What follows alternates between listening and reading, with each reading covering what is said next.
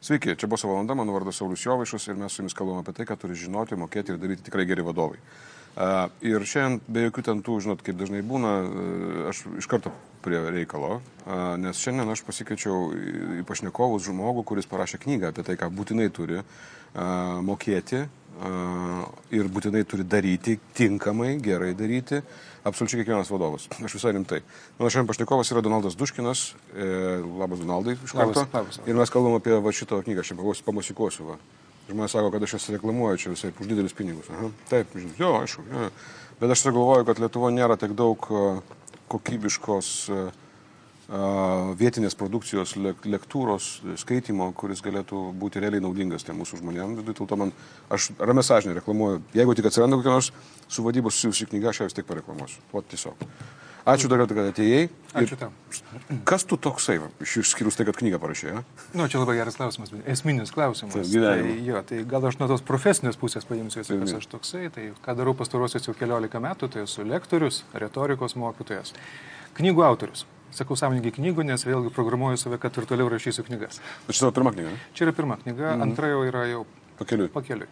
Tai taip patiko rašyti, kad užsikabinai ir dabar dėsi. Ypatingas procesas, iš tikrųjų, tai yra ir terapinis procesas, ir atradimų procesas, ir savęs pažinimo procesas. Vėlgi. Mhm. Ir dar kai tai pasirodo, kad tai yra aktualu ir kitiems, vėlgi, kai ir tas grįžtamasis ryšys, tai yra, nu, mhm. kas gali būti geriau. Absoliučiai sutinku, štai, štai yra įpūlė tu tą aristotelišką situaciją, kad gal nustosi dirbti, nes radai tokią veiklą, kuri tau labai patinka. labai to tikiuosi. Jo. Jo. Uh, gal pavadinkime nuo pradžių. Kas yra retorika? Taip, e, dažnai aš tą klausimą dabar girdžiu labai dažnai, vėlgi ir sakoma retorika ir viešas kalbėjimas ir apie tą patį kalbam. Mhm. Iš tiesų, tai vėlgi, na, viešas kalbėjimas, sakykime, taip yra sudėtinė retorikos dalis, kas okay. be ko, vėlgi, tai yra kalbėjimas prieš auditoriją, kai aš išeinu iš savo vidinio pasaulio ir kalbu vėl, jau mes dabar kalbam viešai. Mhm. Tačiau, jeigu paėmus pačią retorikos savoką, tai yra be ne vienas seniausių žmonijos menų, vienas iš pirmųjų trijų laisvųjų menų šalia dialektikos ir gramatikos, tai retorika yra kalbėjimo menas. Okay. Menas kalbėti. Mhm. Menas per kalbą pažinti save. Mhm. Vėlgi, žmogus vienintelė būtybė gyvoje gamtoje, kurie turime kalbą, žodžius. Vėlgi. Ir tai yra menas kalbėti. Kaip sakė senovės graikai, vėlgi, kalbėk tol, kol save pažins. Čia labai kažkaip su tyla nesusiję, nes juk kalbi, kalbi, kalbi, kalbi, kalbi, kalbi ir, ir negirdi, žinai, dažnai ir nieko daugiau išskyrus savo kalbėjimą. Tai va čia prie tos retorikos savokos noriu pridėti, tai vadinkim, retorika tai nėra šiaip kalbėjimo mokslas, tai yra sąmoningo kalbėjimo mokslas. Ir vėlgi, tai yra, vėlgi, tai yra, žinai, plėpėjimas, galiu kalbėti daug, bet nieko nepasakyti. Taip. Arba tai yra sąmoningas kalbėjimas, kai aš pasakau labai nedaug, bet pasakau tiksliai dešimtuką. Okay.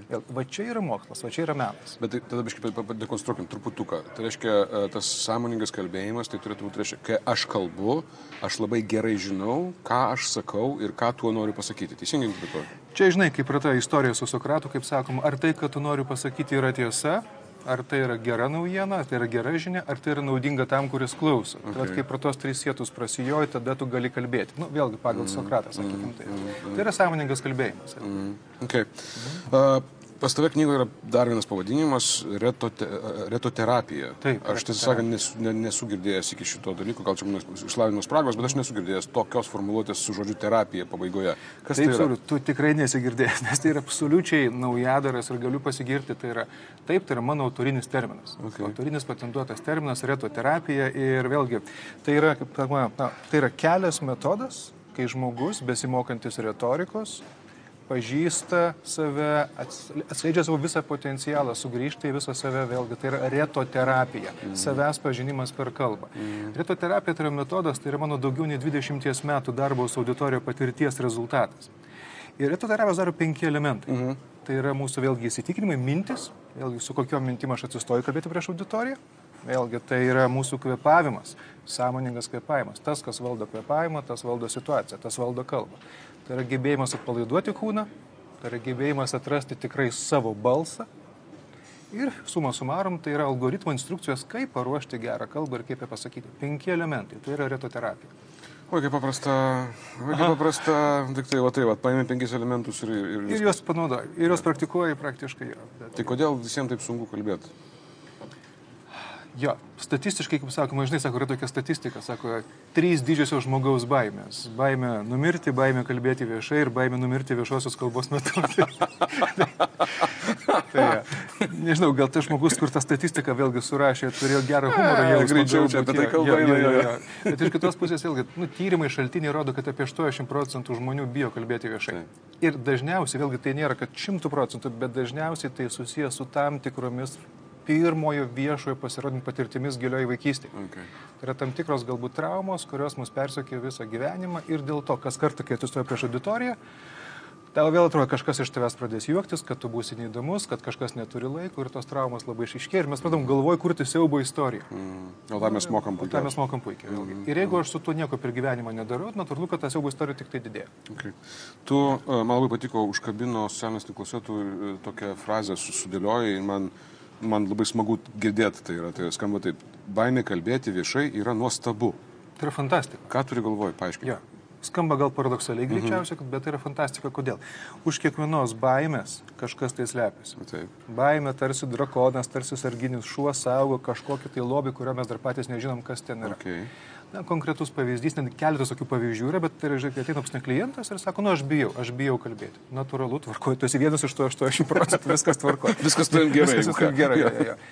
Ir pasakyk tu man, ko konkrečiai tu bijai. Negalim visi bijoti absoliučiai tų pačių dalykų. Ir kai žmogus aiškiai identifikuoja savo, tarkim, aš bijau auditorijos, aš bijau žmonių, nes žmonės iš manęs pasijuoks, žmonės mane nušvilps ar dar kažkas. Nu, tam tikros patirtis dėjus iš, iš vaikystės. Va čia yra konkreti to žmogaus baimė. Aš bijau, kad žmonės iš manęs pasijuoks. Mm. Ir tai yra įsitikinimas, tai yra siaubo istorija. Ok, pirmojo retoterapijos dalis, pirmas elementas - darbas su tavo įsitikinimais.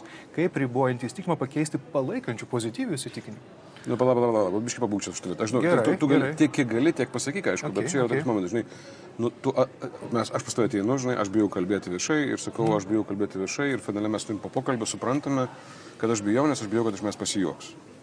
Aš nežinau, ar po pokalbio vieno, galbūt po dviejų, galbūt po trijų. Vėl, galbūt, jo, bet mes jau žinom, mes identifikavome tą baimę, kuri yra mano galvoje, kur tą mano scenarijų, kurį aš savo ten piešiu visai. Taip ką tu darai arba kaip tu man gali padėti, kad, man nustotų, kad mane nustotų riboti šitas, šitą mano istoriją, mano, mm -hmm. šitas mano scenarius. Mm -hmm. Kaip tai vyksta, jeigu gali sakyti, aišku. Jo, be jokios abejonės. Tada vėlgi mes dirbame su įsitikinimais ir čia šiuo atveju atsiranda mano kaip coachingo specialisto patirtis, vėlgi ilgametė, tai yra darbas ribojančių įsitikinimų transformavimas į palaikančius įsitikinimus. Mm -hmm. Įvairios praktikos, kurios yra priimtinos klientui. Mm -hmm.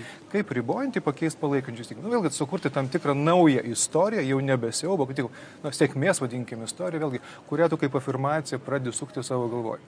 Nu, tai nesigauna per dieną, per dvi, vėlgi, ten minimum reikia tam tikro mėnesio ar kelių, kol žmogus patikė tą naują istoriją. Mhm. -huh. okay. Gerai. Uh -huh. vėlgi, nes vėlgi, nu, sakykim, kad per, ne tik bėda, bet situacija, kai žmogus ateina, sako, aš noriu kalbėti viešai ir jis gauna daug įvairių technikų, tips and tricks, ir jis bando tas technikas taikyti, o baimė tai jinai išlieka. Mm. Aš vis tiek bijau. Mm. Čia tas pats, kas namą statyti, žinai, nuo, nuo stoglangių vėl. Tai čia. Pirmą susitvarkykim, kas čia yra, kokios mintis mūsų. Na, nu, bet žinai, kaip taip sakai, tai, tai kalba, skamba labai taip psichoanalitiškai, netgi psichoterapiškai per psichoanalizės prizmę mm. vos ne taip. Ir tada aš galiu, man, man gali būti baisu, aš tiesiog noriu išmokti kalbėti viešai nelyskit jūs man į dušą, aš noriu kalbė, mokėti kalbėti viešai. Viskas labai gerai, priklauso, kiek tu leisi, ta prasme, kiek tu reikia, kiek tu pajusi. Klientas bet kada gali pasakyti stop per giliai, tvarkoj. Mm. Jeigu tu jauti, kad stop užtenka, einam prie kito elemento, tvarkoj. Jeigu tu pasiruošęs, kad jau tos baimės, jau tu mokė valdyti, viskas ok. Mm, mm. Tvarkoj. Ja. Uh, kokia, uh, ką patartum, eikim gal prie tokios, žinai, praktikos, Taip ne visi turės galimybės pas tave ateiti arba pas, mhm. pas retorikos specialistus,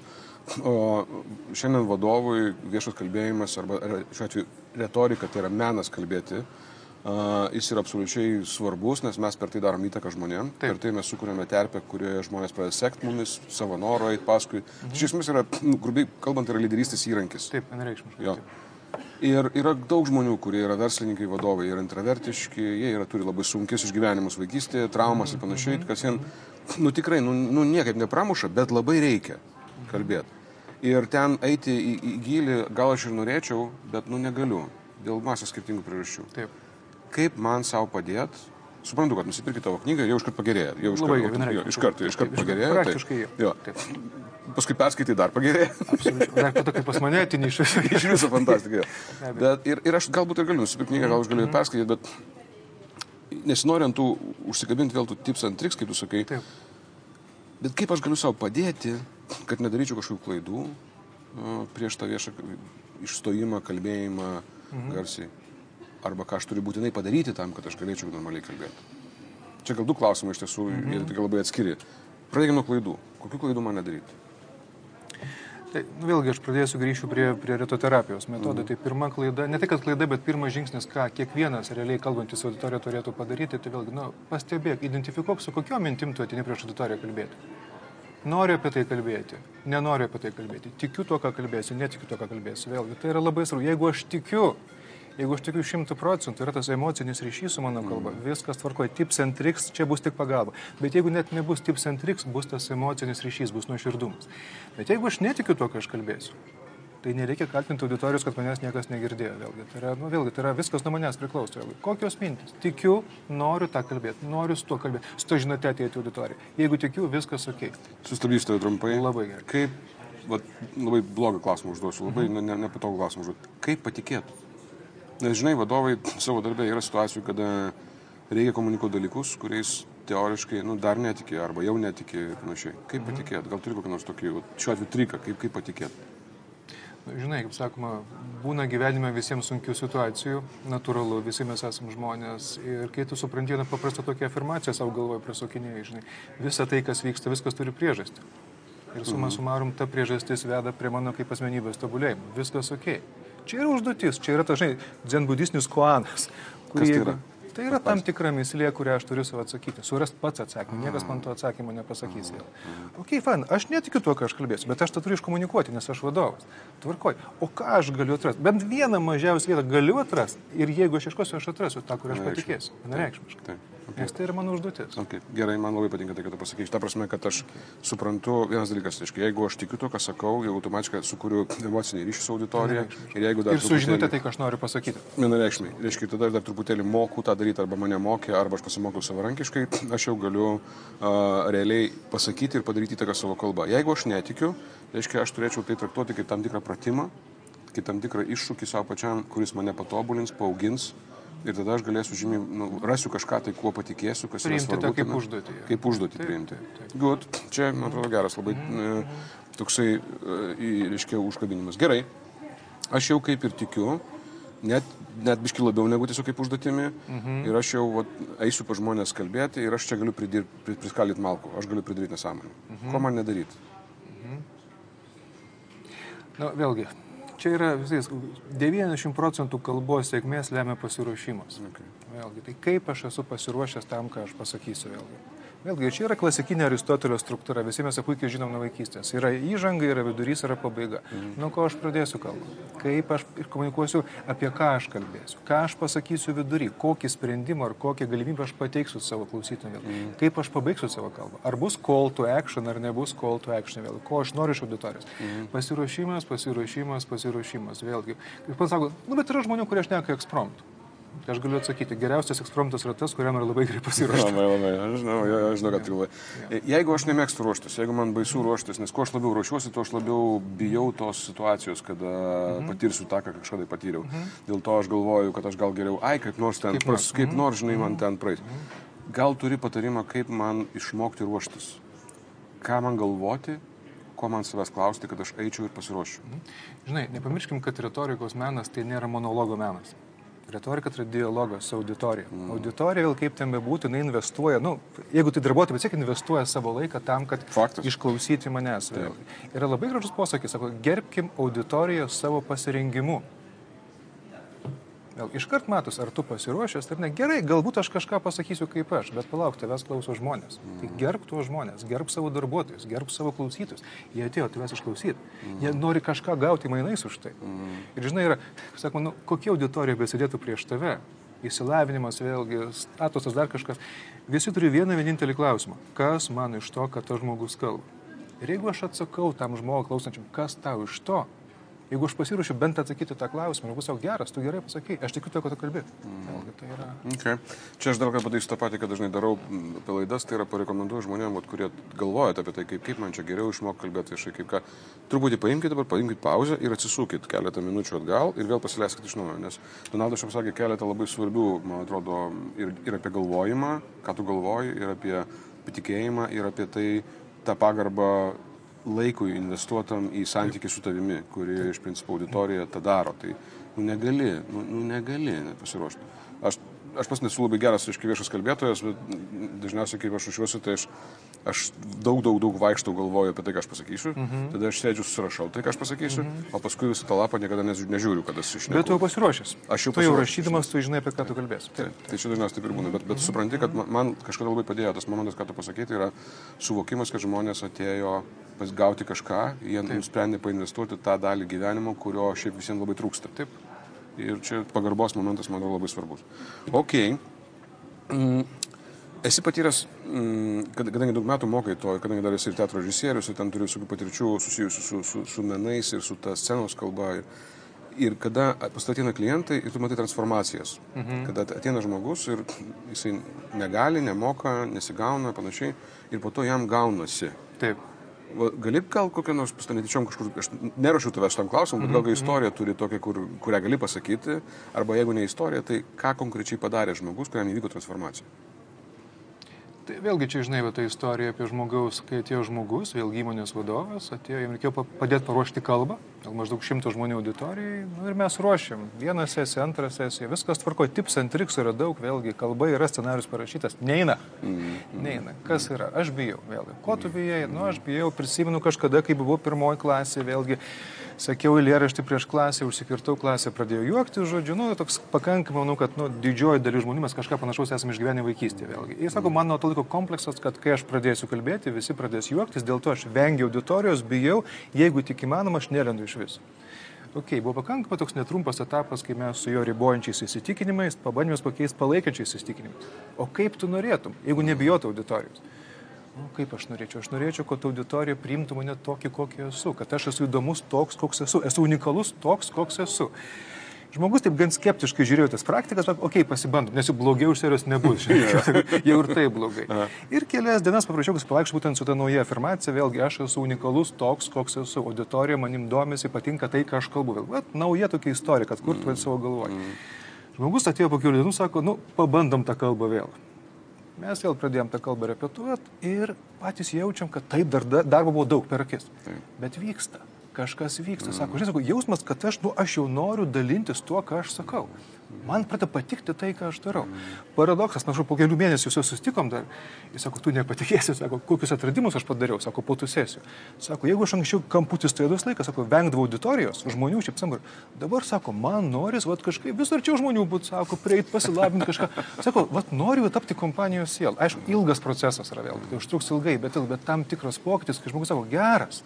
Sako, ta baimė slėpia, pasirodo, kad aš noriu būti kompanijos siela vėl. Bet, tai čia, bet aš kalbėjau ne apie tai, kad intraversija pakeičiama į ekstraversiją, ar čia kaip čia dabar taip įvyksta?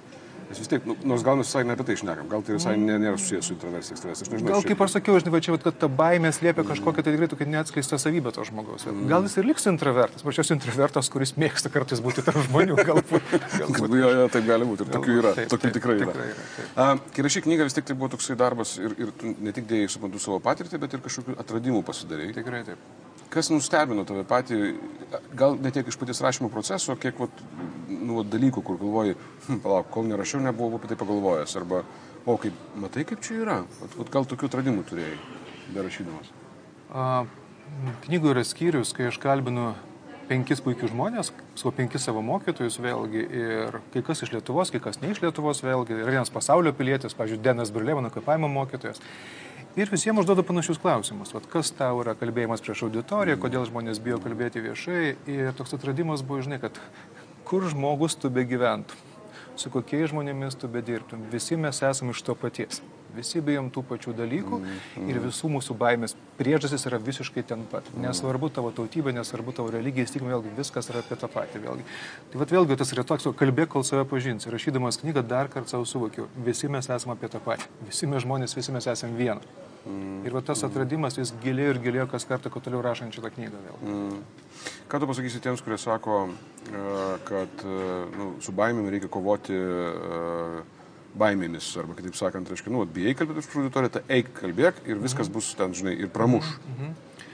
Toks metodas yra, toks mm. metodas yra, žinau, kad daug kas tą metodą bando, matyt, kai kam jis ir veikia, vėlgi tikrai sakau, nežinau, kadangi aš to, nesu to metodo šalininkas, vėlgi, tiek pats, kaip pasakyti, pats į tokį metodą nepasirašyčiau ant tokio metodo, mm. tiek nesiūlau savo klientam, bet toks metodas yra ir tai yra gerai, mm. nes žmonės yra įvairūs, vieniems tinka transformacinis toks lengvas, toksai slow, toksai softinis metodas, mm. nu, kitiems reikia šoko iš karto, mm. tai viskas tvarkoja, žmonės mes skirtingi. Jo, ačiū Dievui, tai yra smagu, nors jo. visiems mums yra būdingi tam tikri dalykai, bet tuo pačiu metu mes esame iš tiesų skirtingi. Sakoma, žinai, tiesa viena, tik kelių prie jos yra daug. Prieimų daug, jo. Sutinku.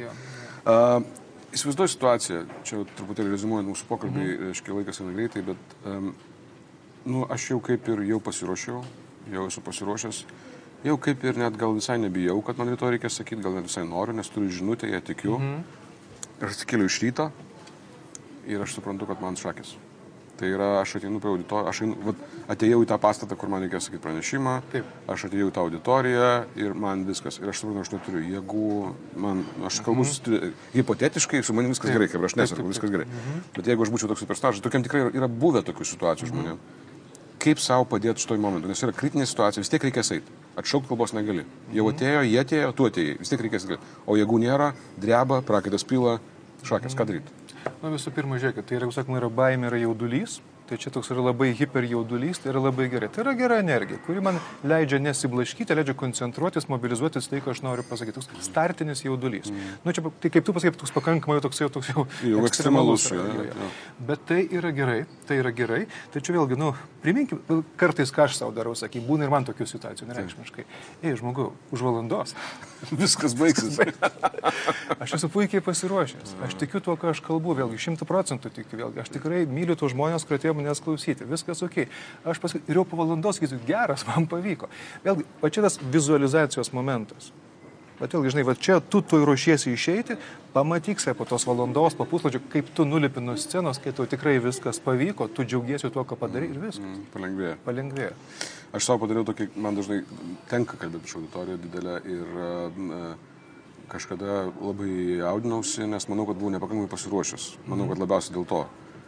Ir aš buvau užkliusiu ir mano buvo, va, išėjimas buvo paprašė, aš buvau kitas, sekantis, reiškia.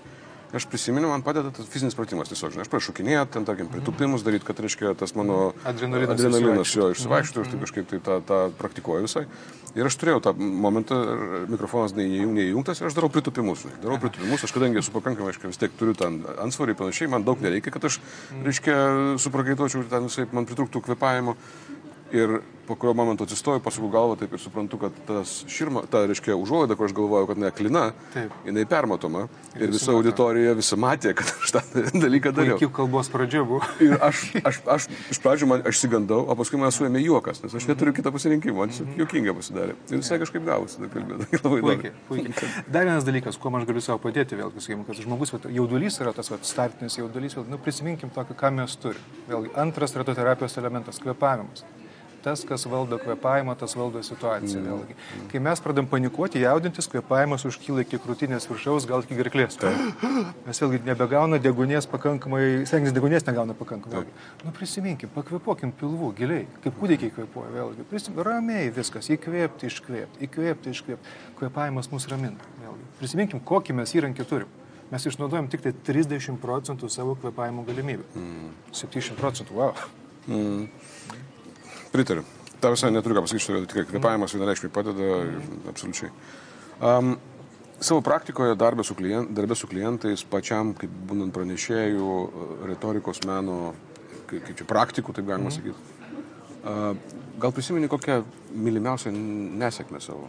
Žinai, būna tokia dalis, dalis nesėkmių arba tarsi feilas, žinai, pralaimėjimas, kur galvoji, nu, šakės, nu, viskas, labai blogai. Praeina keletą metų, atsigrįžti galvoji, ok, jeigu to nebūtų buvę, tai būtų ten kažkaip, arba labai gerai dabar yra dėl to, kad ten tada tai buvo blogai, žinai. O taip, o dabar gerai pasakėjai, prisiminiau. Nagi. Metų prieš 13 aš vedžiau, buvo 120 žmonių auditorijai mm. ir aš pasirašiau, buvo 8 valandų mokymai. 8 valandų ir aš vienas. Ir auditorija buvo toli gražu nemotivuota tie mokymai. tai buvo privalomi mokymai tam tikrai labai specifiniai auditorijai. Okay. Ir Mane įspėjo organizatoriai, kad tam tikrų raktinių žodžių tai auditorijai geriau nesakyti. Okay. O dėl tam tikros specifikos. Bet kadangi vėlgi, nu, žmogus aš jaunus ir dar kažkas, aš netyčia tos kelius žodžius pasakiau, reiškia, mane iškart asocijavo su tam tikrom, sakykime, tam tikrom vėlgi, nu, verslo struktūrom, kažkas nežinau, kas ten buvo. Bet tai buvo maždaug pirma, pirma mokymų minutė. Ir kai visa auditorija prieš tave sukyla, kai žinai, kitas vad sniego okay. gniužtė pradeda ridentis, kas jūs toksai, kas jūs čia atsiuntė, kokia jūsų kompetencija, iš kur jūs. Ir salė kyla, ir salė kaifuoja nuo to, kai mes dabar tą lektorių suvalgysim. Ir tu supranti, kad tau liko dar 7 valandos 59 minutės. o tave jau valgo. Ir žinai, aš puikiai prisimenu tos vat, jausmus pirmosius. Tai pirmas jausmas buvo, gerbimieji, dedu mikrofoną, sakau, ačiū, ta prasme, nu sveikata brangesnė. Nu, čia beprasmiška, čia nelygios jėgos paprasčiausiai yra. Bet tavo palauk. Nu, palauk, ta prasme. Nu, tu esi profesionalas. Galų galiai iš tikrai žmonės atvažiavo iš toli. Iš šitą, kad ir, kad ir, sako, per prievartą, bet jie atvažiavo. Tai. Ir prasidėjo labai įdomus procesas. Pirmą valandą, pirmą dalį tai buvo toks terapinis procesas. Aš išklausiau, kas tiem žmonėms iš viso nepatinka gyvenime. Išklausiau vėlgi. Antrą valandą pradėjom, antrą dalį pradėjom derinti, o ko jie norėtų galbūt. Ir po to reikalai pradėjo judėti prieki. Aš tikrai nelabai norėčiau kartoti tos patirties. Vėlgi, bet, Tikiu. Bet, bet tai buvo iš tikrųjų, nu, žinai, kaip sakoma, aš išėjau gerokai subrendęs. Aš turiu labai sveikinu su to dalyku. Tokios patirtis jos labai, labai stipriai ugdo. Okay. Ačiū. Tau labai, Donaldai. E, Donaldas Duškinas, e, knygos retorika, radioterapija autorius, e, rodau viršelį, nes mums kalbėti vis tiek visiems reikės mokėti. Ir aš kartais šiaip galvoju, žinai, aš darau daug mokymų vadovams, mokau juos, nu, kiek, kiek, kiek, kiek galiu, reiškia būti maksimaliai efektyviems kaip vadovams. Mm. Ir kartais, kai baigėsi mokymai, žinai, stoviu kompiuterį ir galvoju, ko iš tikrųjų aš juos mokiau. O visas ten dvi dienas, nežinau, aštuonias dienas, kadam, ko aš juos mokiau. Ir aš suprantu, kad aš juos mokiau kalbėti. Arba dar labiau kalbėtis, mm -hmm. bet ir tame tarp ir mokėti kalbėti. Pradėti kalbėti, gal net taip. Bazinė mūsų kompetencijų. Ja, ja, kartais apie tai. Ačiū labai dar kartą. Ačiū, ačiū labai. Ačiū Jums už Jūsų laiką nu, aš, mes gerbiam jūsų laiką suinvestuotą dabar į šitą reikalą, dėl to aš tikiuosi, kad jūs gavote kokios tai naudos. Man labai nori to tikėti, e, nes kitaip aš to nedaryčiau iš viso. E, noriu kviesti jūs e, rasti mus visose platformose, audio variantai Spotify, iTunes, video variantai tai yra Delphi Facebookas ir mūsų Facebookas ir YouTube'as yra. Žodžiu, nes dabar čia biškėsime atostogauti, čia žinot, nu, iki rudens kito sezono. Bet vasara pats geriausias laikas mokytis. Čia buvo Saulis Jovaišas, buvo valanda, iki kito karto.